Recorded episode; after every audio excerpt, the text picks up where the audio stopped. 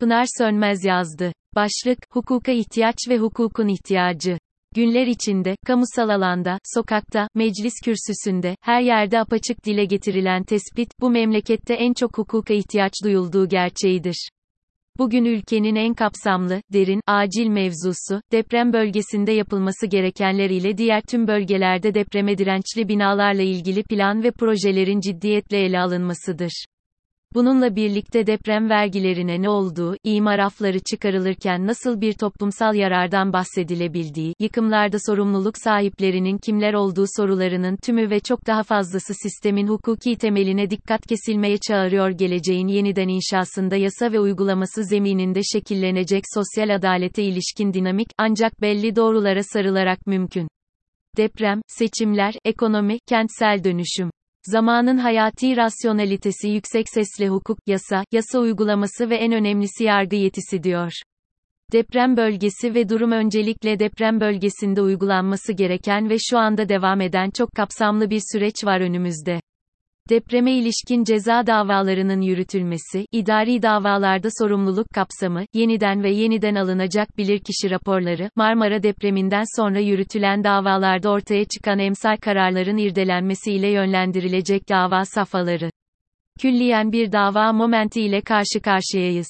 Buna koşut, kent merkezlerinin yerinde dönüştürülmesi için bir yaşam kültürünün öncelenmesi gerekiyor bilhassa mimarlığa, mühendisliğe, şehir planlamasına kulak verilerek iğne oyası gibi işlenmesi icap eden bir dönem bu. Yeni şehirleşme konusu için hukuka uygun nitelikli kararlar alınmalı, kararlar da yasaya göre uygulanmalı. Zira kuralsızlığın aşılması, bilimsel olarak donanmış bir politik istencin enerjisiyle sağlanacaktır. Kentsel dönüşüm süreci kentsel dönüşüm süreci ise bambaşka bir mesele. Kentsel dönüşüm projelerinin hızlandırılması finansman ve uzlaşı istiyor. Tüm sistemin doğru adımlarla yürütülmesini ve yardımlardan faydalanabilmeyi sağlayan ideal yol nedir derseniz, riskli binaların anlaşma ile tahliye edilmesini ve bu tahliyenin doğru bir sözleşmeye bağlanmasını öneririz. Öte yandan kredi imkanları ve vergi muafiyetleri için yasal sürelere ve doğru yerlere müracaatla ilgili prosedüre itinayla uyulması gerektiğini belirtelim. Şu anda, kentsel dönüşüm ile ilgili en önemli atılım İstanbul Büyükşehir Belediyesi'nin İstanbul Yenileniyor projesi. Konuya yakından bakalım. İBB'nin yardımı ve desteği için öncelikle özel mülkiyete tabi bir parsel ve binanın 1999 yılı öncesi inşa edilmiş olması şartı aranıyor. Yine bu proje içinde 2 bölü 3 çoğunluğun kararı gerekiyor. Söz konusu projeler Kiptaş IN kefilliğinde gerçekleştiriliyor. Güçlendirme ruhsatı başvurusu için ise daire sahiplerinin 4 bölü 5 çoğunluk ile güçlendirme kararı alması mümkün iken belediyeler tarafından sürecin uzatılmaması hususuna dikkat edilmeli. Nitekim acil güçlendirmeye ilişkin olarak güçlendirme ruhsatı için belediyelerin ya da kurulların reddettiği ya da geciktirdiği müracaatı takiben tek bir malikin mahkemeye başvurmasının da haklar dahilinde olduğunu hatırlatalım. Buradaki hızlandırılması gereken mevzunun ise mahkemelerin başvurulara ilişkin karar süreçleri olduğunu söyleyebiliriz. Kentsel dönüşümde en ekonomik, en hızlı yolun uzlaşıya dayalı ve hukuki temeli sağlam anlaşma olduğu sarı. Söz konusu sözleşmeler, fikri mülkiyet hukukunda da hep dile getirdiğimiz önleyici hukuk mantığı içinde düzenlenmelidir. Aslında, özel hukukta amaçladığımız önleyici hukuk mantığının tüm öngörü içeriğinin, anayasa hukuku ve seçimlere de uygulanması, sorunların birikmesini ve seçim zamanı gelip kapıya çattığında yasa içinde kalmayı da temin eder. Seçim perspektifi buradan bir köprüyle, günlerin içinde, gelecek perspektifinde en kritik hukuki mevzu 14 Mayıs ve Yüksek Seçim Kurulu meselesine geçelim. Anayasanın seçimi düzenleyen 77, 78, 92 milyon 101 bin 116 maddeleri gereği pek çok yeni adımın atılması zorunludur. Hatta diyebiliriz ki, tüm bu hukuki işlemler esnasında 116. madde gereği seçim kararını meclisin alması uygun bir edim olacaktı. Şu anda ise parmak boyası hususunun Yüksek Seçim Kurulu'nun inisiyatifine bağlı olması üzerinde duruluyor.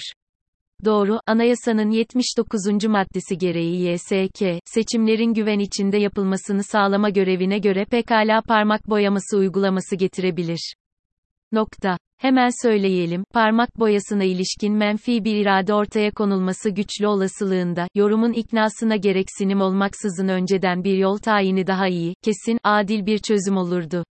Karar buysa ve itiraz olmayacaksa Sayın Erdoğan'ın adaylığı hususuna ilişkin düzenleme bir tarafta, parmak boyası hususu bir tarafta olmak üzere yasa çerçevesinde yeni bir protokol, geleceğin anayasal zemini için ideal bir sözleşme gerçeği, emsali, tekniği sergilerdi.